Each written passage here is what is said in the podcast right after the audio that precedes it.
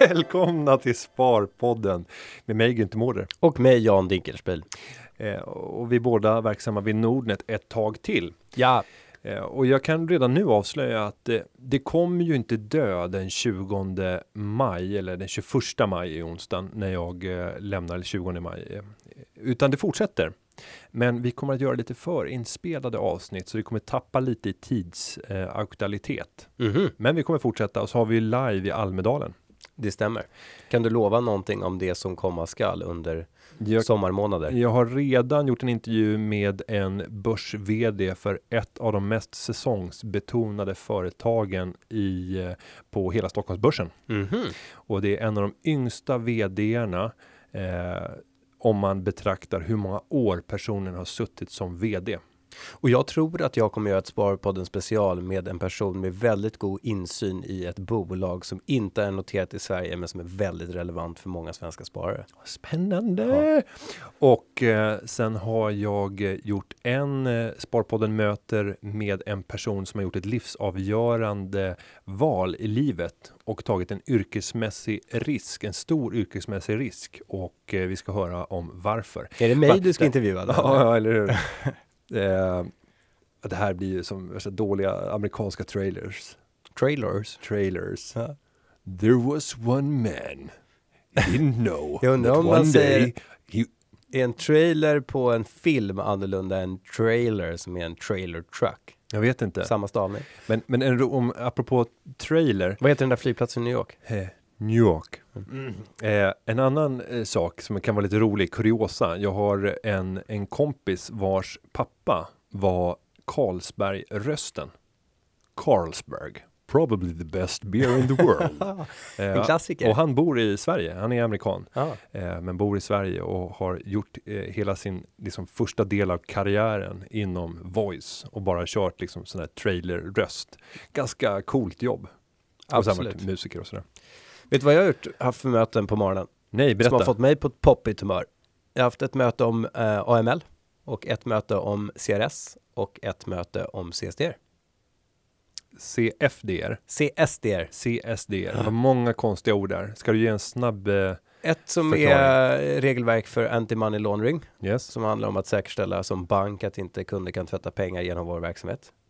Det andra handlar om att eh, kommer ett EU-regelverk som handlar om att eh, människor i Europa inte ska kunna skattesmita, som handlar om rapportering till skattemyndigheter. Och det tredje handlar om eh, förändrade reglering och settlementrutiner i, i Europa och implementation av det. Vilken spännande morgon. Ja, men det sätter saker och, ting, saker och ting i en kontext. Man blir Vad- plötsligt väldigt liten. man blir väldigt ödmjuk inför att banker gör väldigt mycket som inte syns på ytan. Mm. Kanske.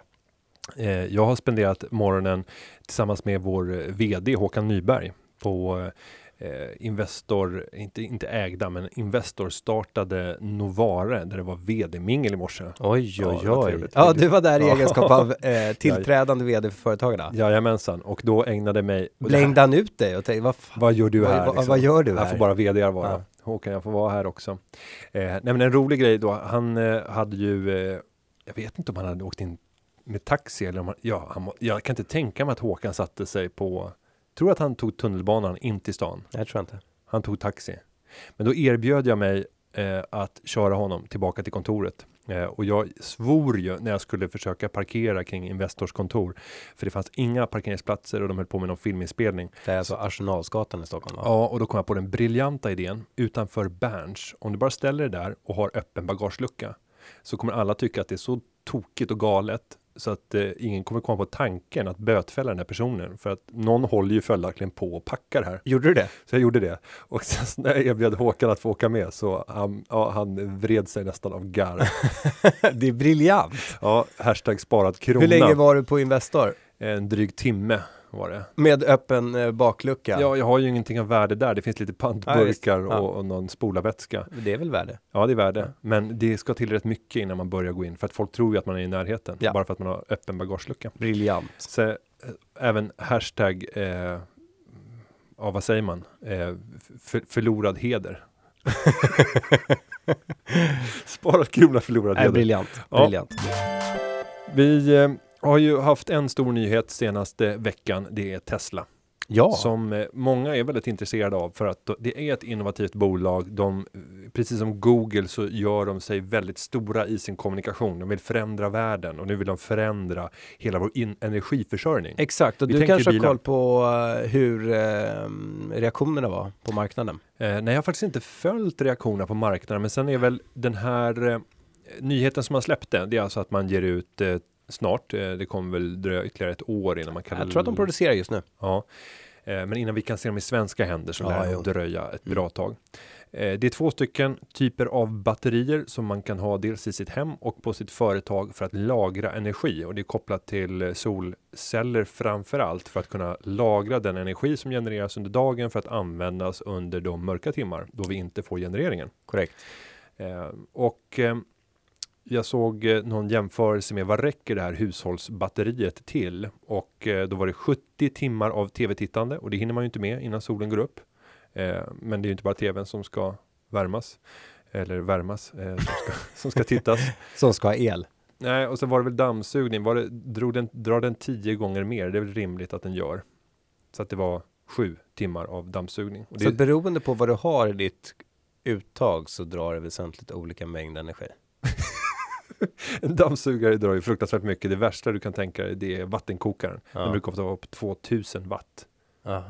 Ehm, en elvisp är på typ 200, 250 watt. Eh, dammsugare 1000, 1200, 1500 watt. Då börjar det komma på riktigt tunga. Har Fast på en riktigt, 2000 sånt här intresserar mig för jag är så ohyggligt usel på sånt här. Så att, så att vad är det? Om vi, om vi tittar tar på ju... watt och volt och ampere. Bara snabbt. Nej, men nej, jag...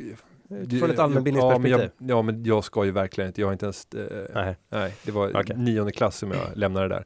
Men däremot så vet jag att det här är effekt. Men jag tror att om du hade frågat mig- i volt. Jag tror att om du hade frågat mig, eh, har en lampa och en dammsugare olika energiuttag per tidsenhet så hade jag sagt, så hade jag kunnat svara nej.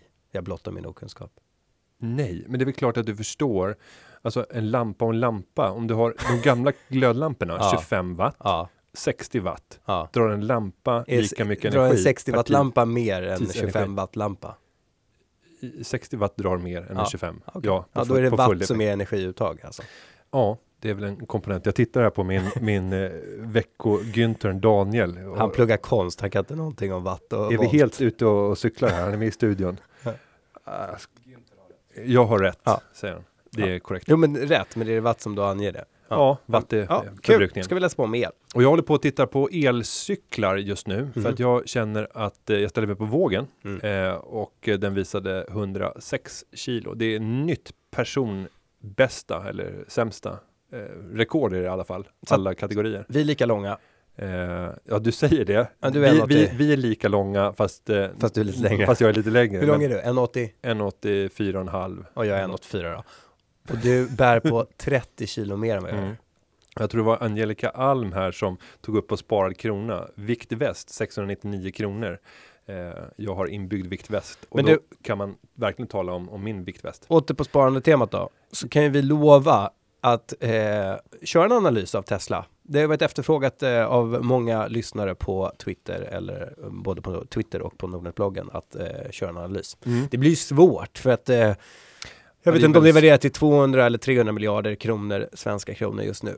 Ja, och det blir väldigt spekulativt eftersom det blir bara en värdering av liksom, Exakt. Du framtiden. tar en, men egentligen tar man ett bett på huruvida Musk är eh, den nya Jobs. Ja, Ja. kan han förändra världen. Ja. Men om jag ska gå tillbaka för att bara knyta ihop säcken i några av eh, avfallen där. När det gäller elcykel så skulle jag vilja ha tips på vad är bästa eh, sättet att eh, antingen bygga eller köpa en elcykel. Varför ska du ha en elcykel om du behöver gå ner i vikt? Eh, jo, för att jag har ett avstånd som är, eh, tror jag, 17 kilometer till mitt nästa jobb. Ja. Och eh, jag vill inte byta om. När jag bodde inne i stan så cyklade jag till Nordnet Ja. och det var väldigt bra. Det var välgörande för min hälsa. Ja, och din själv. Och det var 7 kilometer. Mm. Så det var perfekt avstånd och man kom inte hit svettig. Men man hade ändå fått lite högre puls, man var lite varmare. Men du tror att svett är korre- du, du, du, tror inte att svett är mer korrelerat med frekvens på, på paddling än... Jag tittar på min, min alltså att jag har rätt. Nej, men jag tror att eh, självklart inledningsvis så kommer det att kunna bli så bara efter 5 kilometer att jag kommer vara svettig. Mm. Men, men just när man är uppe på sådana distanser, 17 kilometer, då, då behövs det lite, lite hjälp för att inte eh, vara äcklig när man kommer fram. Så att ge dig gärna tips på bästa elcykel. Jag vill upp till mer än 250 watt. Det var det jag ville komma till. Det är det vanliga. Sen finns det 500 watt. Sen har jag sett sådana som har 1000 och 1500 watt. Eh, men då måste man bygga dem själv. Och jag är intresserad av någon som ska bygga den åt mig. Och då är frågan vilken är den bästa hojen att bygga det på? Och jag kan också säga att Tesla-aktien verkar ha reagerat eh, ganska neutralt på den här illa bevarade nyheten om eh, batterierna. För det är faktiskt så att det här har varit väldigt känt av marknaden under längre tid att man kommer att komma ut med den här typen av, av produkter. Du ger dig en briljant brygga då på temat eh, att du ska cykla och svettas. Och hoppar direkt in på fråga 13. Ja, varsågod. Camilla eh, undrar, hej, jag har en liten personlig fråga till Günther. Jag undrar om du använder parfym, eftersom parfym kan anses vara väldigt dyrt om man vill ha de bra märkena. Tycker du att det är värt att lägga dina pengar, sina pengar, på parfym? Och då bad ju jag dig innan sändning få dofta på mig. Ja. Dofta är någonting gott. Du fick lukta på mig. Jag vet inte, vad kostar en parfym idag? En, en, en eh, varumärkesparfym kanske 200 eller 350 spänn eller? Nej, vi pratar 500, 600 Jag vet. kronor Okej. för en parfym. Det stämmer, säger min Günther.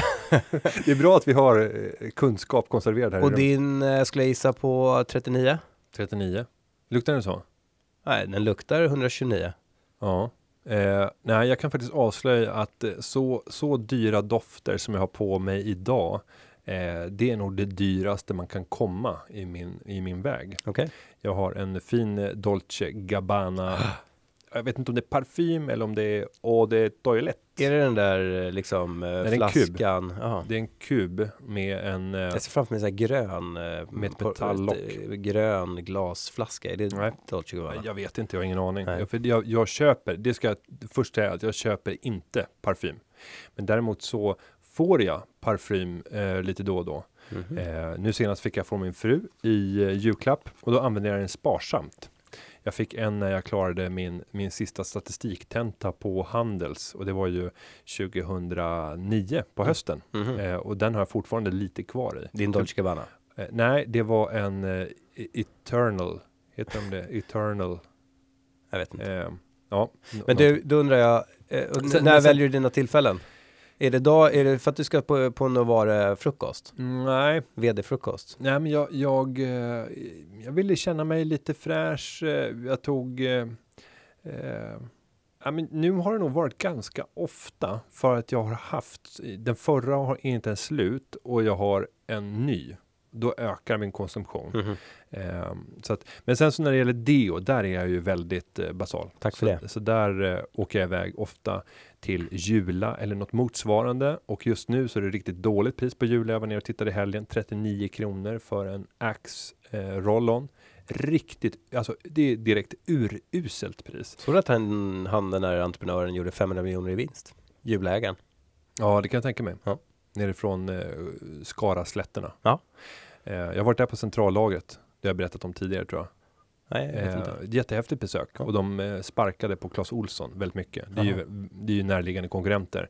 Eh, men Clas Olsson är ofta väldigt stolta över eh, deras logistik och inte Mm. minst deras centrallager. Mitt inne i skogen i Insjön så har de byggt ett höglager. Ja, det har vi pratat om, men vi har inte pratat om Jubla tror jag. Nej, och Jula, de har ju byggt ett, kallar man det då, låglager. Ja, ett, ett stort eh, lager med låg takhöjd som du klarar med truckar. Och eh, de bara säger att det, det är helt huvudlöst att agera som Clas Olsson gör. Men det här, här kostar ju mark ingenting. Och vad jag, senast jag kollade så var mark ännu billigare i Insjön. Mm. Eh, men en imponerande, en imponerande anläggning som de har där, centrallagret Mm. och huvudkontoret. Eh, men 19 kronor. 19 kronor 19 kronor. på din, eh, din kreti och pleti parfym. Eh, nej, på eh, Axe Roll-On. Sen så kan du få ännu bättre pris om du ibland får mängderbjudanden och ibland kan man få medlemsrabatter och liknande. Ja. Du då?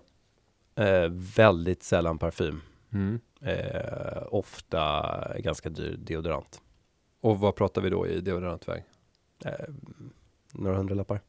Oj. Är det sån här gelé eller sån här Ja, man- vilket man- märke tänker du på? Som man rullar, som man rullar upp. Som är som, Ja, det är inte en spray. det är inte en spray. Nej. För det finns Men det finns ju billiga, det finns väl billiga sådana här deo-sticks? Eh, kanske. Ja.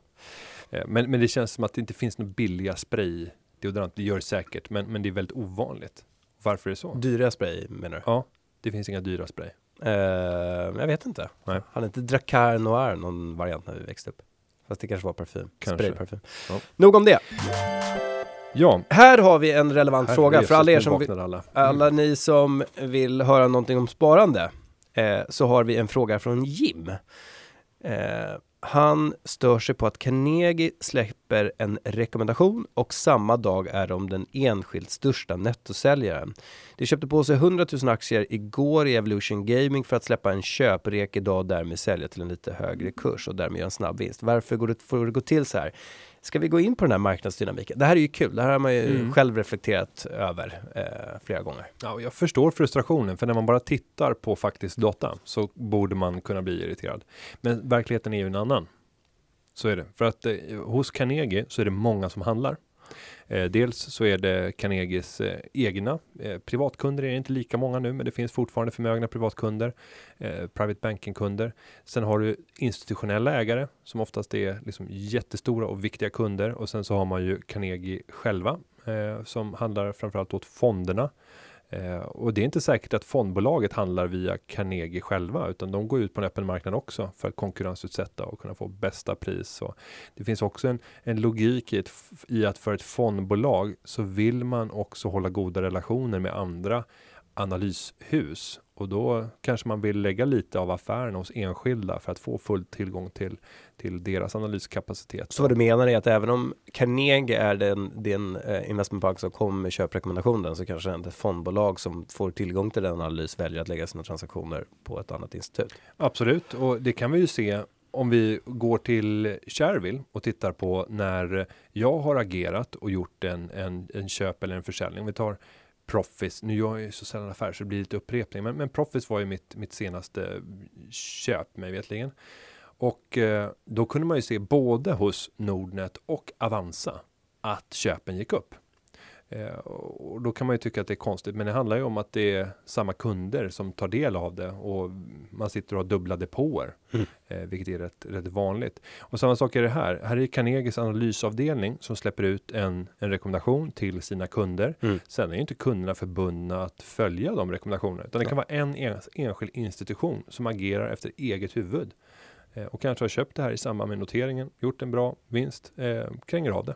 Och det där gör väl du också, precis som jag, om du märker, för att en köprekommendation kan ju antingen se ut så här att eh, Eh, så att kursen står i 50 och sen så kommer eh, och sen så kommer en rapport och så går den upp till 60 eh, på rapporten och då kommer analysen ut med en reviderad rapport och ändrar riktkursen till, från 50 till 62 och säger man behåll. Mm. Alltså vad jag menar är att ibland är analytiker helt bara ett resultat av det som sker på marknaden. Och väldigt ofta eh, så blir man nyfiken på om det kommer en radikal värderingsförändring. Eh, så blir man ju nyfiken på om, se, om flödet är korrelerat med en köp respektive säljrekommendation. Och väldigt ofta är det inte det. Eller hur? För du tittar också på, på avslutshistoriken när du ser en, en tydlig köp respektive säljrekommendation. Absolut. Och, och nu har ju Evolution Gaming bara varit noterad sedan sedan 20 mars, men det har ju varit liksom en successiv stegring. Skulle vi ta 10 dagars glidande medelvärde så har det varit ständigt stigande kurser även efter den rusningen som var. Så man kan ju säga att rekommendationen från Carnegie har ju i det här fallet varit rätt. Sen är det några kunder som har valt att agera annorlunda. Ett skäl till att vissa kunder kan ha valt just den här dagen att agera. Det kan ju också vara att när ett bolag eller när ett väl ansett analyshus släpper en rekommendation och gärna då en köprekommendation så brukar det leda till högre omsättning och stigande kurs. Mm. Och då skapas det ett gyllene tillfälle för den som sitter på en större post att faktiskt kunna gå ut på marknaden och kunna omsätta det. Mm. För en vanlig dag så är det faktiskt rätt skral omsättning. Hittills idag och nu är vi framme vid lunch när vi spelar in det här på tisdagen så har det omsatts för 2,5 miljon kronor i Evolution Gaming. Och det är klart, det blir inte speciellt mycket, 22 900 aktier. Och här pratade vi om en försäljning på 100 000 aktier. Så det är Exakt. ju någon större aktör som har stått för nästan fem gånger dagens omsättning. Ja. Så analys skapar likviditet och likviditet skapar förutsättning för transaktion. Ja, och glöm aldrig vad analytikernas syfte är. Det är att få pengar att rulla. För det är när du gör köp och säljaffärer som banken tjänar pengar. Ja. Eh, och de här analytikerna är satta att stressa dig till att göra så mycket affärer det bara går utan att det ska bli allt för dåligt. Man vill ju inte gå ut med en rekommendation och säga. Det är väldigt sällan man säger det här är en riktig eh, byrålådsaktie. Köp och glöm i 20 år. Nej, det är inte så ofta man får behåll heller. Men nu målar du upp lite fan på väggen. Ja, det gör jag. Jag måste väl, jag måste väl få. Eh, för det är klart att de har som ambition att ha rätt också i sina analyser. Jo, det finns en, yrke, det finns en yrkesheder i, i det där också. De Ja. vill också kunna göra karriär. Bra, tack fick jag rädda dem. Vi hoppar vidare på fem. Daemon. Kanske, det låter som en asiatisk bil. Eller Damon. Damon. Ehm, skulle ni kunna förklara hur det funkar med hedgefonder? Och det är inte bara hedgefonder, lägger jag då in, eh, som tar ut en procentandel av vinsten och eh, avkastningen. Jag tänker specifikt på Lynx, alltså en Brummefond som tar 20% av den avkastning som överstiger, vad är det, SSVX? Det är någon Ett ränteindex. ränteindex på tre månader. Eftersom SSVX tre månader är negativ just nu innebär det att Lynx kan gå back och ändå ta ut 20% av punkt, punkt, punkt, vadå? Av min Mm. negativa avkastning. Så överavkastning. Och- Och vill du liksom eh, först ett, sparekonomen, Mm. förtydliga vad det vad det handlar om och två, eh, hur ska vi förhålla oss till det? Ja, jag lägger till en annan två och det är reservera mig. Ja. Och så tre förklara. Nej, eh, vad vi har att göra med här, det är prestationsbaserad avgift eller som man på engelska säger performance fee. Eh, Det ganska vanligt inom specialfondsvärlden och hedgefonder är ju en typ av specialfond eh, där man tar ut en tvådelad avgift. Den första är den vi normalt sett förhåller oss till, förvaltningsavgiften. Eh, Den kan i de här fallen vara ganska låg för att sen har man den andra avgiften som är den prestationsbaserade och då tar man en viss procentsats av den överprestation som man har skapat. Och här finns lite begrepp. Ja, och det är det här som är svårare. Vad är en överprestation? Vad jämför man sig med? Det vanliga för en aktiefond är att man jämför sig med det aktieindex på den marknad som man verkar. Ser man en svensk aktiefond så jämför man sig med Six Return Index eller OMXS30 med hänsyn tagen till utdelningar och så vidare. Men eh, det här skapar ju ett problem för specialfonder som hedgefonder som ska generera en absolut avkastning. Jämför man sig med ett kort ränteindex så kan det ju antas att risken är något högre va? I de flesta hedgefonder Absolut. när vi tittar tillbaka historiskt och det har även givit då en positiv avkastning för de flesta som idag finns kvar. Det finns några som inte är kvar. Eh, inga svenska har väl gått i konkurs, men, men eh, utländsk, utländska finns det. Och det gör att eh, kanske den, den absoluta lejonparten av avgifterna som har genererats. Det är inte förvaltningsavgiften utan det är den prestationsbaserade avgiften. Och här uppstår ett problem när man har ett ränteindex. Nu har vi negativa räntor och det gör att det här ränteindexet som de jämför sig med eh, ligger på minus. Så man skulle teoretiskt sett då få betalt bara man har pengarna i likvida medel på kontot Mm. och säga att det är en hedgefond. Det här skapar en uppenbar problematik. Nu lägger jag in reservationen. Jag vet inte hur det är i just det här enskilda fallet, men jag skulle tro att man har lagt in någon klausul att den får, måste överstiga ett positivt värde. Alltså det är en, ett grundkrav. Man kan tycka att någonstans att, jag, jag, jag för mig att jag tittar på Links avkastningskurva alltså, och den har gått fantastiskt bra i år. Jag, den måste ha haft någon exponering mot ett, att eh, korta oljepriset.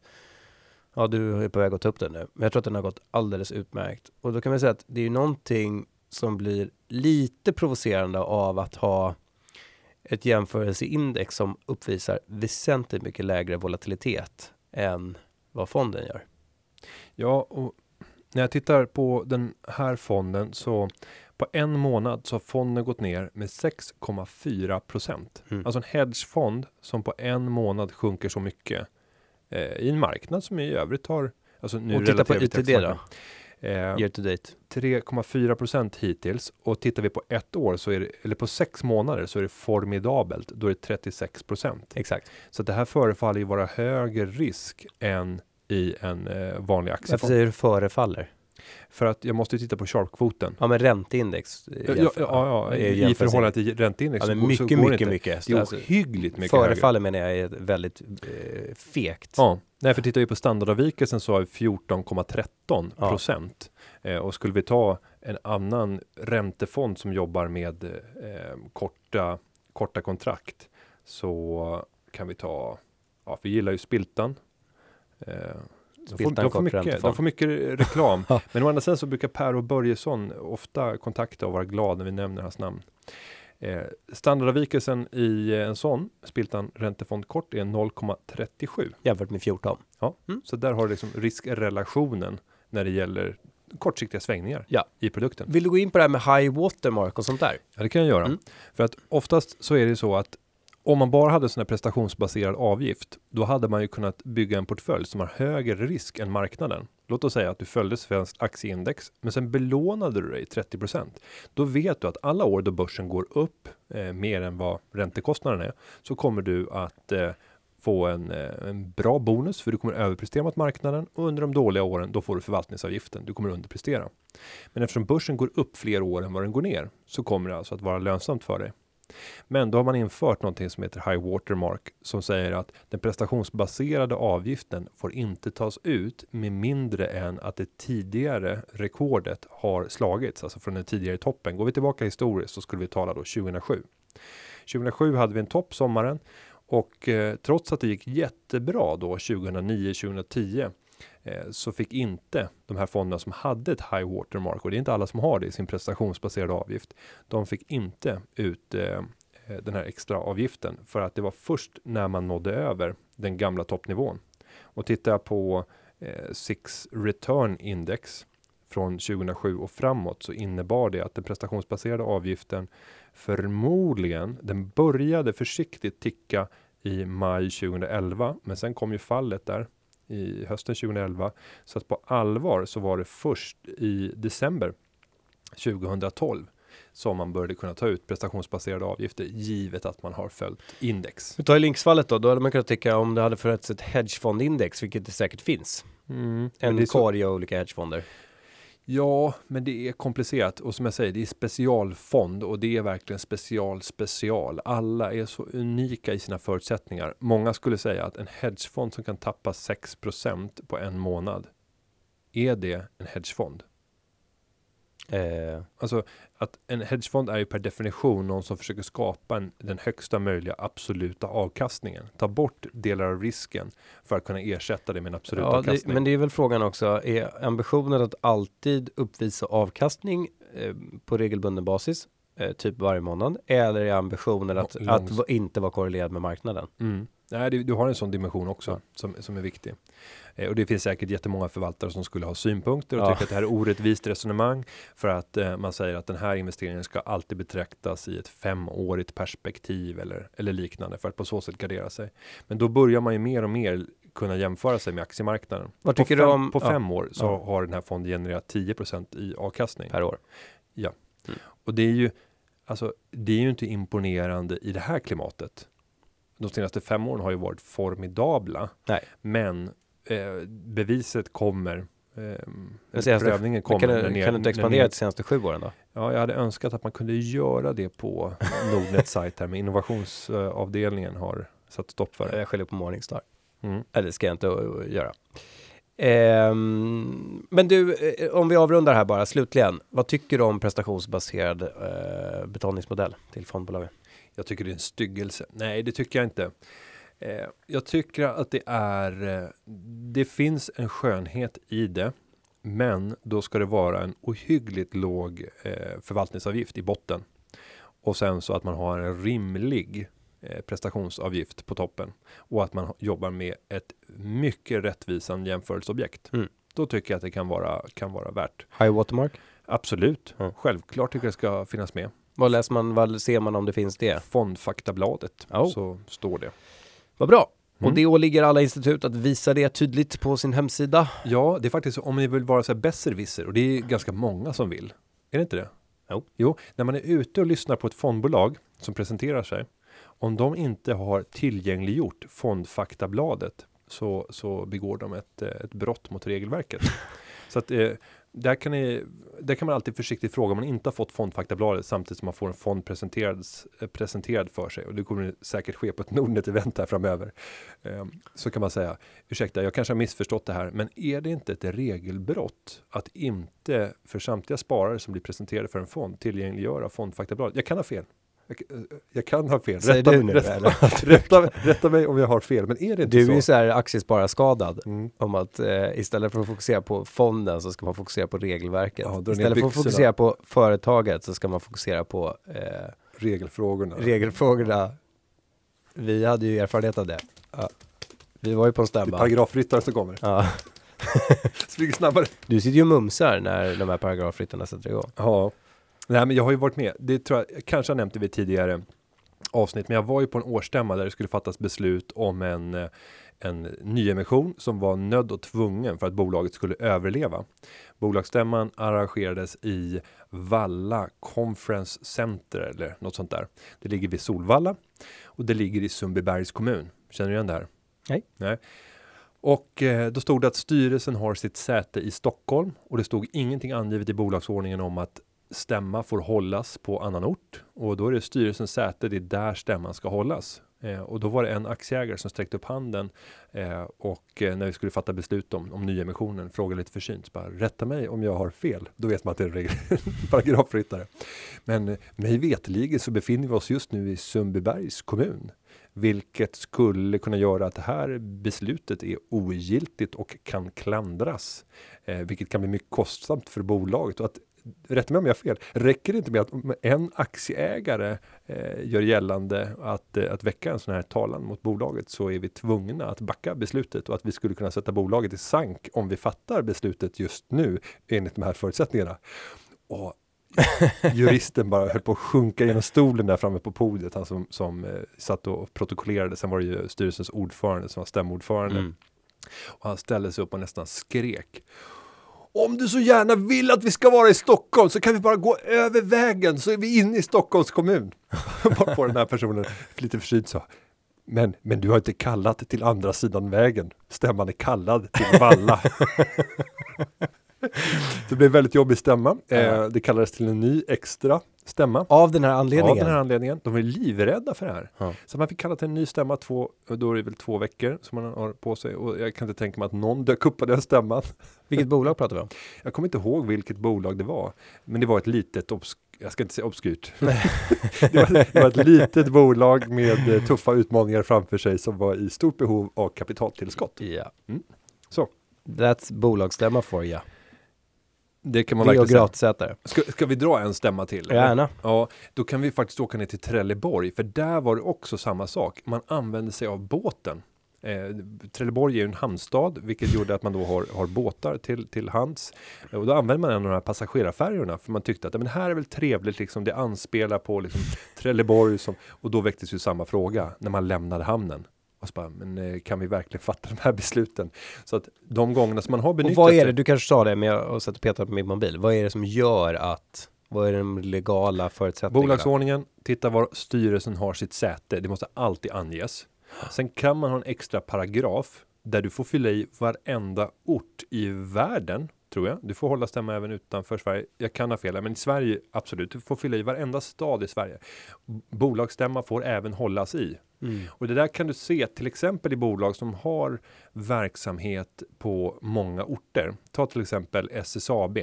De har ju eh, verksamhet i Borlänge, det finns i Luleå, eh, du har Oskarshamn. Oskarshamn. Nu kanske. Ja, De har ett kärnkraftverk där.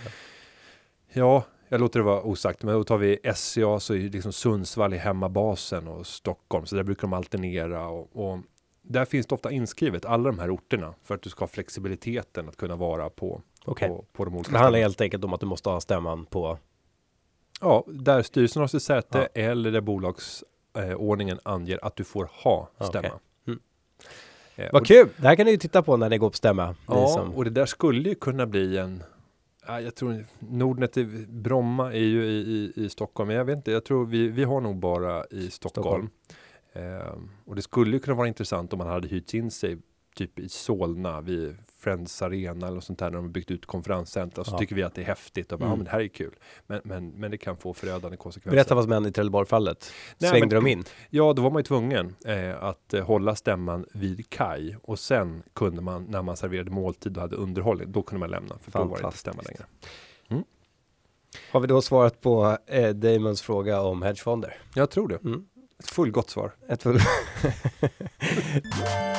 Tobias, vad händer med bolånet om banken går i konken? Um, vi pratade då i avsnitt 49 om att storbankerna inte kan gå i konkurs. Uh, men vad skulle hända med bolånet om banken man har lån i skulle gå i konkurs ändå? Vem äger min, uh, eller alltså, ja, du fattar. Ja, och då får man ju säga, vad händer vid en konkurs? Och eh, det som händer då, det är ju att eh, det kommer komma in en konkursförvaltare som börjar identifiera vilka tillgångar och vilka skulder finns här. Och sen försöker man eh, balansera ut de här. Och det finns en prioriteringsordning för, för hur man jobbar. Men det här är kul, Mm. för att jag hörde en, en liten eh, sak om Saabs konkurs. Så Mm. vi kan börja med, be- berätta exakt vad som händer i ett konkursscenario. Eh, ja, någon kan ju ha anmält att eh, alltså det kan alltid antingen vara frivilligt att du själv anmäler i konkurs Ja. eller så kan det vara någon leverantör eller någon intressent Som inte har fått bolaget, betalt. Ja, som skickar in ett, ett sånt här föreläggande. Och eh, då om det drivs till, till konkurs så kommer det att utses en konkursförvaltare. Ja, men berätta, då, då, jag har inte fått betalt eh, som Mm. leverantör till ett bolag. Och då s, s, försöker jag, då anmäler jag till vad då? Eh, Länsrätten eller? Ja, Till vem? vem? anmäler man? Du går ju först till att börja med till Kronofogden och liksom först kanske gå till inkasso och sen därefter Kronofogden. Ja. Och därefter när det inte finns, jag menar då börjar det bli utmätning och Mm. det funkar inte så för ett bolag att en enskild leverantör bara kommer och utmäter vad de vill ha.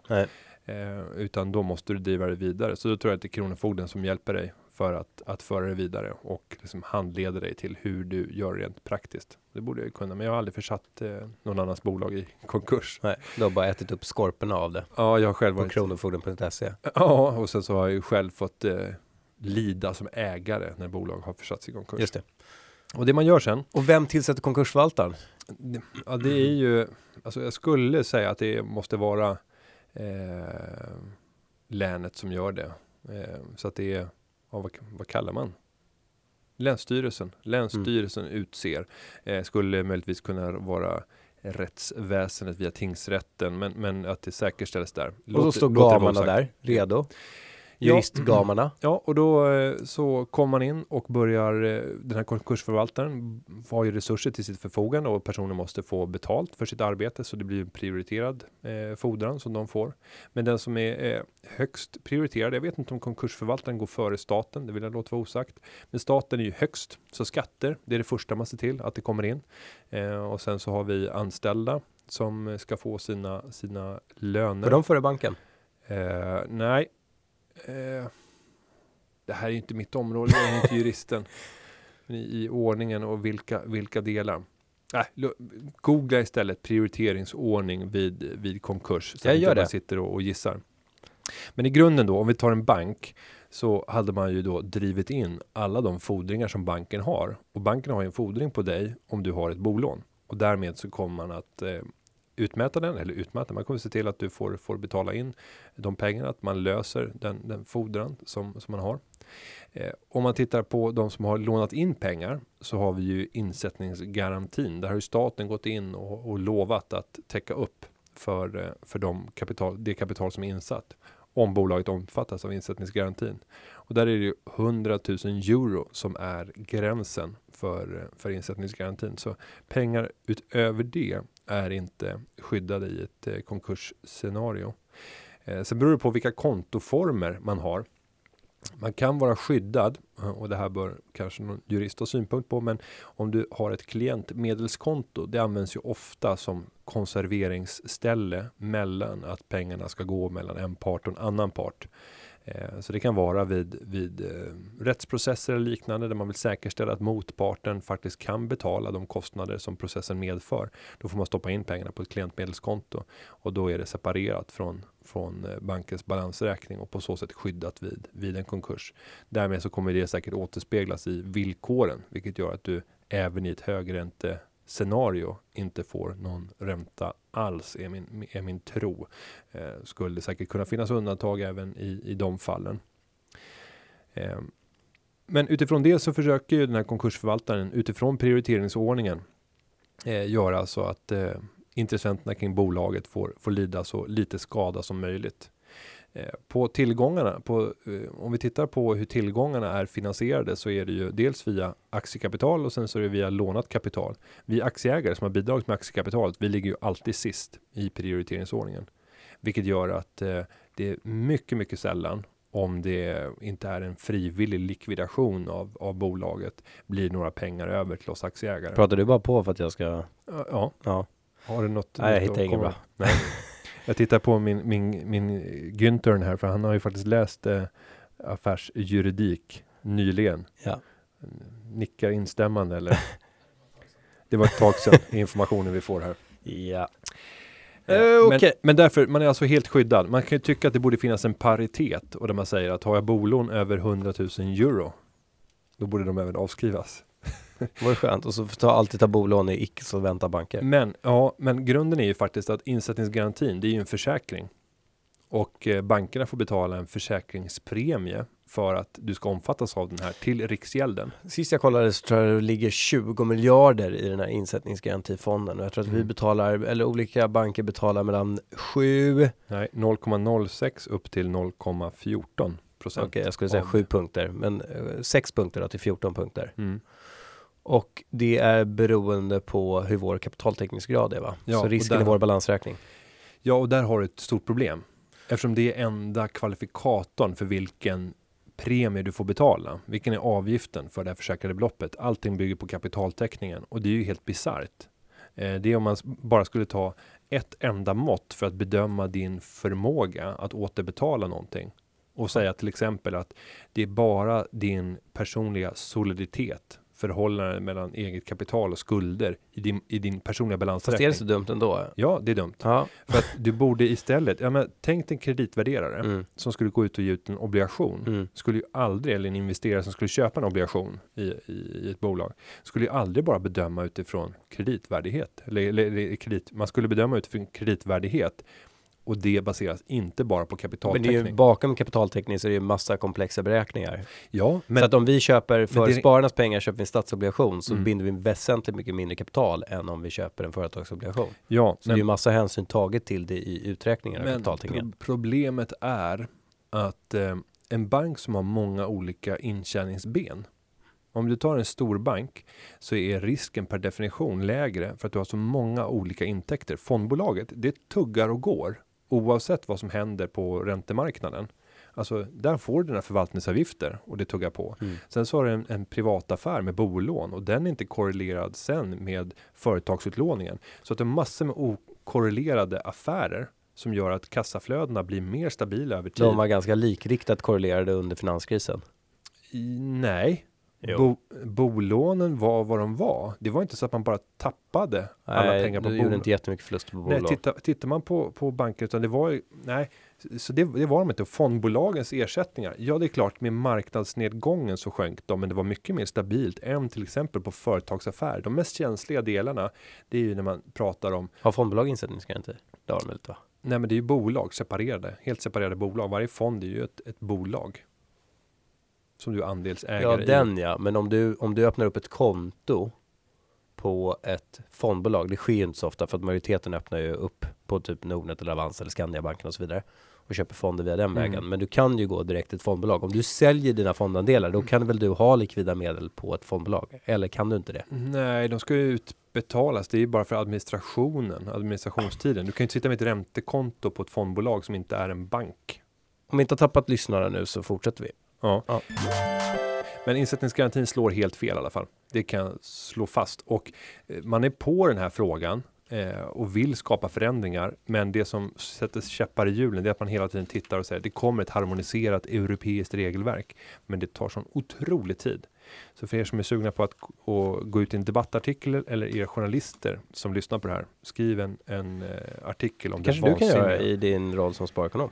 Nej, det blir inte lika relevant. Det är mer, rele- ja, det är mer relevant nu i, som sparekonom de sista veckorna. Men jag bjuder på den till eh, min efterträdare eller till den som hinner före. Var är vi? Fråga nummer nio. Har märkt att BTS skickar ut årsredovisning och kvartalsrapporter via post. Gör alla så? Den frågan ställer Mikael Karlsson. Och det här var ju jättevanligt om vi går tillbaka i historien. Att eh, bolagen som eh, som man var aktieägare i tillsänder dig eh, både årsredovisning och kvartalsrapporter. Det är ju väldigt ovanligt idag. Vilka fall har du där du där det dimper ner kvartalsrapporter då? Landers kom hem. Jag äger inte så många olika aktier för tillfället. Har du Swedish Match? Nej. Där är, de brukar ofta, men jag undrar om, om de inte har ändrat sig nu på sista tiden. Men bland storbolagen så är det ohyggligt ovanligt. Eh, och det är till och med vissa, eh, vissa bolag som knappt trycker upp en årsredovisning. Jag tror att det till och med var så i Telias fall. Jag låter det vara osagt om det var Telia eller det var Uh, Axfood brukar alltid göra fina årsredovisningar. De brukar vinna pris för det. Det var Telia.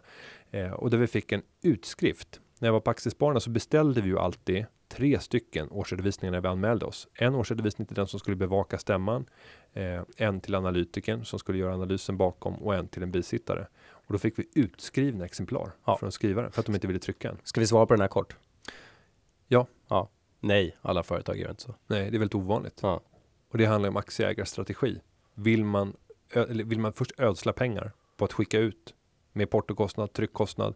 Ja, det kan finnas ett syfte om man vill knyta starka band och skapa ambassadörer och få många privata aktieägare. Men väldigt få bolag kämpar, särskilt bland storbolagen. I Landers fall tycker jag faktiskt att det är relevant. Det För är att de, tryck. Ja, de jobbar med tryck. Så för dem är det ett sätt att visa alla aktieägare att de faktiskt behärskar det de håller på med. Och då måste den ju nästan vara lite flashig va? Och det är den. De har vunnit bästa årsredovisning flera år i rad tror jag. Eller Mm. nu ljuger jag. Men de har gjort det ett antal gånger och jag är imponerad av den som dimper ner i brevlådan. Både grafiskt och innehållsmässigt.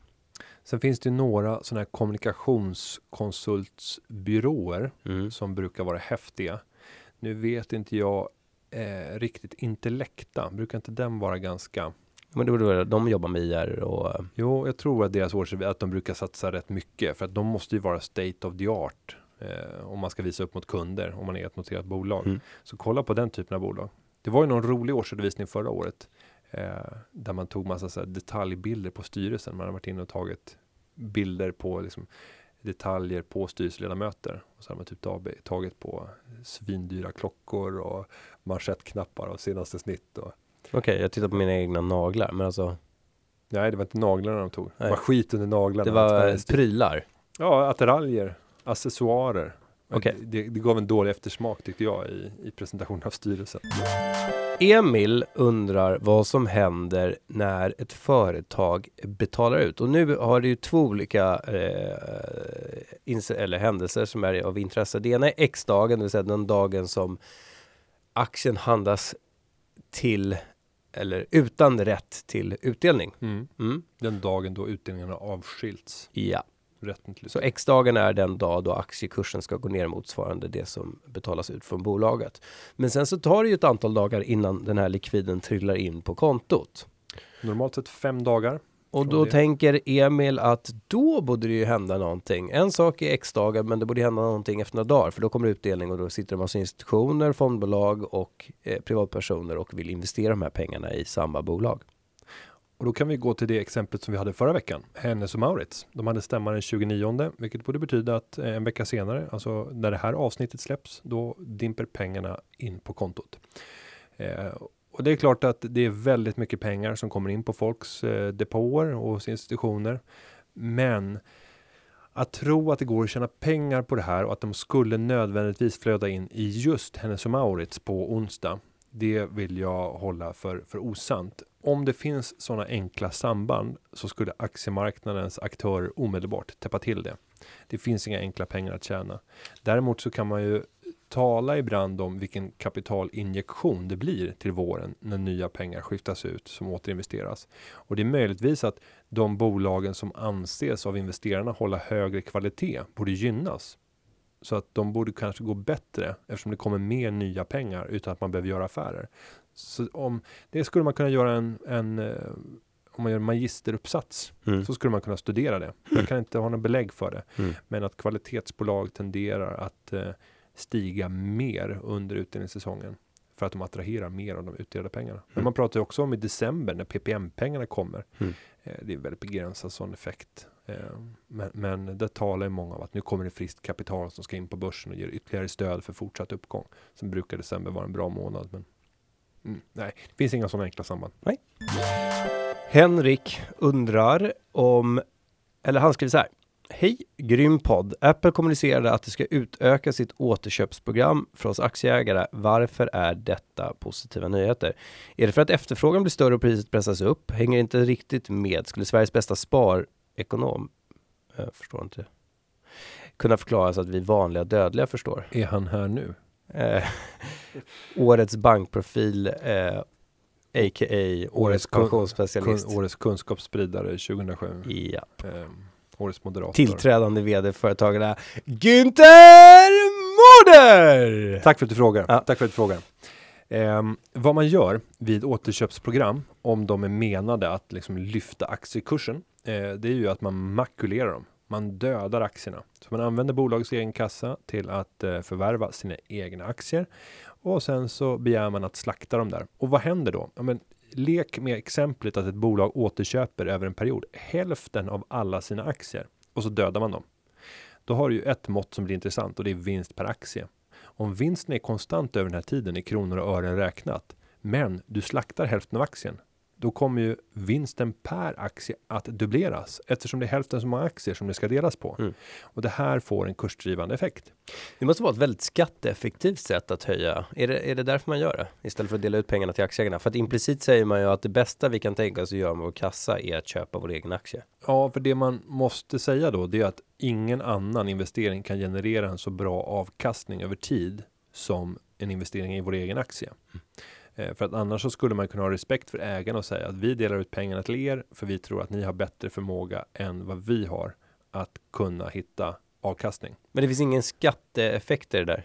Eh, jo, det gör det ju också och Jaha. det beror ju på i vilket land du är. Mm. Eh, Men Ja, om vi tar. Ja, men om du är i, i svensk kontext så är det klart att om ett bolag återköper en aktie, ja, då får ju du räkna ut vad var den genomsnittliga anskaffningskostnaden för den aktie som bolaget just nu köpte tillbaka och så redovisar du mellanskillnaden och får betala skatt på det. Vad menar du? Köpte du en aktie för 100 kronor och idag Pratar du om bolaget? Ja, och Om- sen så idag, idag så står kursen i 200 kronor och de fattar beslut och genomför ett återköp på 200 kronor.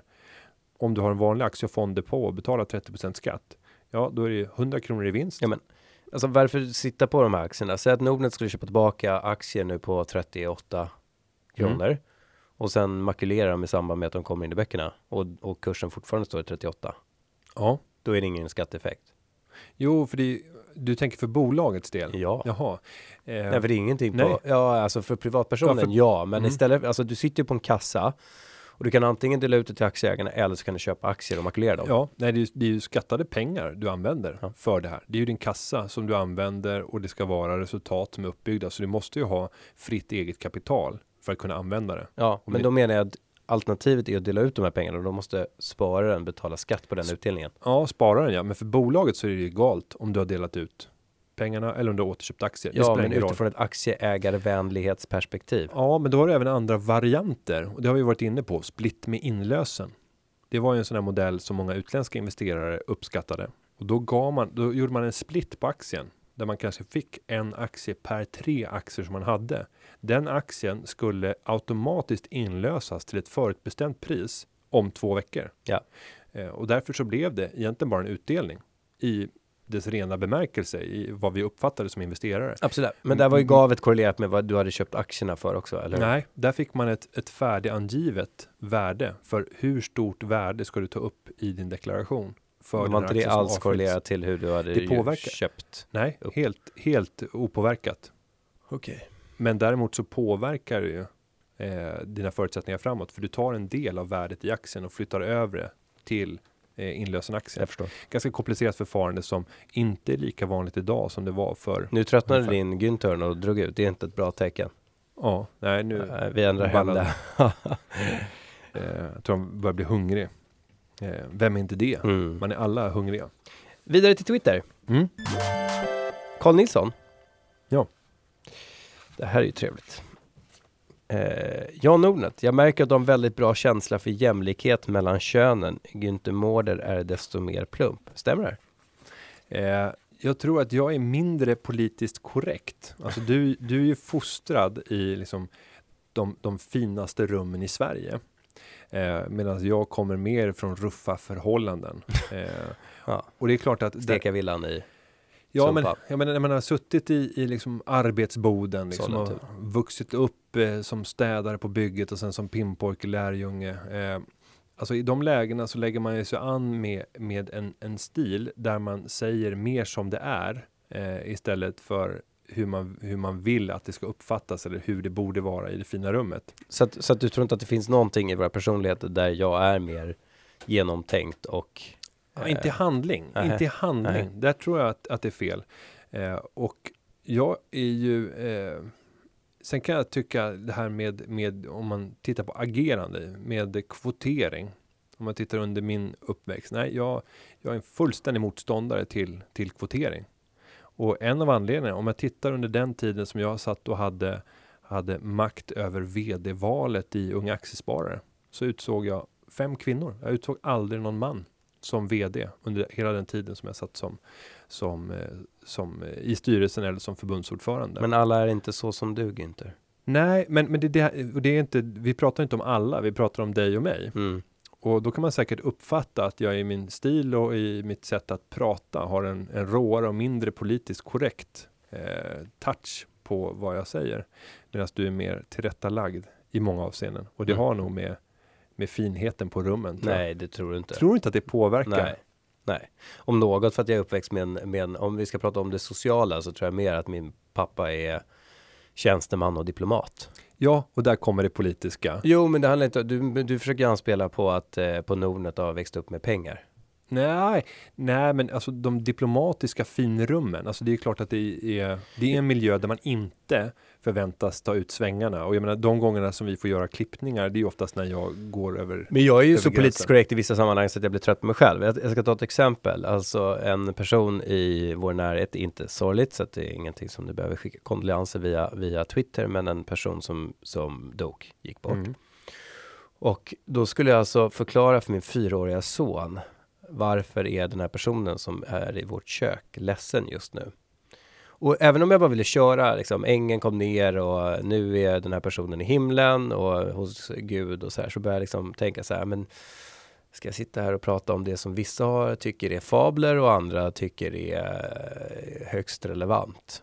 Så jag började liksom fippla in med ett resonemang och sen så frågade jag istället min hustru var, var, var är den här personen som har dött? Och så gav hon bara helt enkelt upp i himlen och där är det och Gud som tar hand om Han är död, han ligger på bårhuset, han ska snart brännas. Ja, men alltså har du någonsin pratat död med Love? Eh, ofta, eh, till följd av min, min storebror som, som gick bort när han var Men 26 varför har du år. belastat honom med dina egna erfarenheter från din Mm, brors bortgång? Nej, eftersom det, det blir ju närvarande på ett, ett påtagligt sätt eftersom Love och Linn, mina barn, har ju en kusin. Eh, Ah, som, Som eh, är som inte har en kusinens pappa. Ja. Eh, och där det finns liksom foton på familjen Såklart. och foton på, på min bror. Så det är inte så att du har, nu har en nattsaga och jag vill att berätta för dig när min bror gick bort. Eh, nej, men, men, men det är varje vecka. Så, eh, Och hur, hur förhåller du dig till det då? Nej, men vi pratar nog mycket om liksom eh, kanske det, det typiska. Liksom, de förstår ju vad det är när någon har liksom jäm, lämnat jordelivet, dött. Eh, men just det vackra i, och det enkla i att prata om himmelen. Eh, och även om det inte behöver vara kristna värderingar. Är i, du religiös? Nej. Är du Eh, troende? Nej. Inte alls? Nej. I, i, i, eh, I extrema stunder kan jag behöva söka tröst i liksom, och förklaring till Ja. det orättvisa. Men nej, det ska nog till. Liksom, Men trots att du då är, för jag är ju, jag, liksom, jag är lite så här, jag är väl lite andlig i vissa sammanhang, så att jag, även om jag inte vill tro på liksom, eh, skapelseberättelsen så, så kan jag leva med att det kanske finns någonting större. Men då undrar jag, trots att du då uttalat inte är troende, så har du inga problem att prata om himlen. nej, eh, och uppe bland stjärnorna, alltså, och, och så är det ju inte. Om vi tittar i den kristna läran, utan där är ju himmelriket är ju någon, liksom, någon symbolik över det. Ja, Men, men det är ju inte per definition att ja, du har blivit en stjärna. Eh, menar, det finns ju inte med. men i din berättelse så är din bror så, en stjärna. så kan det vara så. Ja. Eh, och, och så att just föda hoppet om att eh, ja, men en dag så kommer vi nog återses. De Ja. har gått vidare. Och jag menar, titta på eh, Bröderna Lejonhjärta. Det är ju inte någonting kristet i det. Men det finns ändå en, en berättelse om att det kommer hända någonting annat efter det här. Mm. Jonathan, Jan, jag ser ljuset. Jag ser ljuset. Bra. Mm.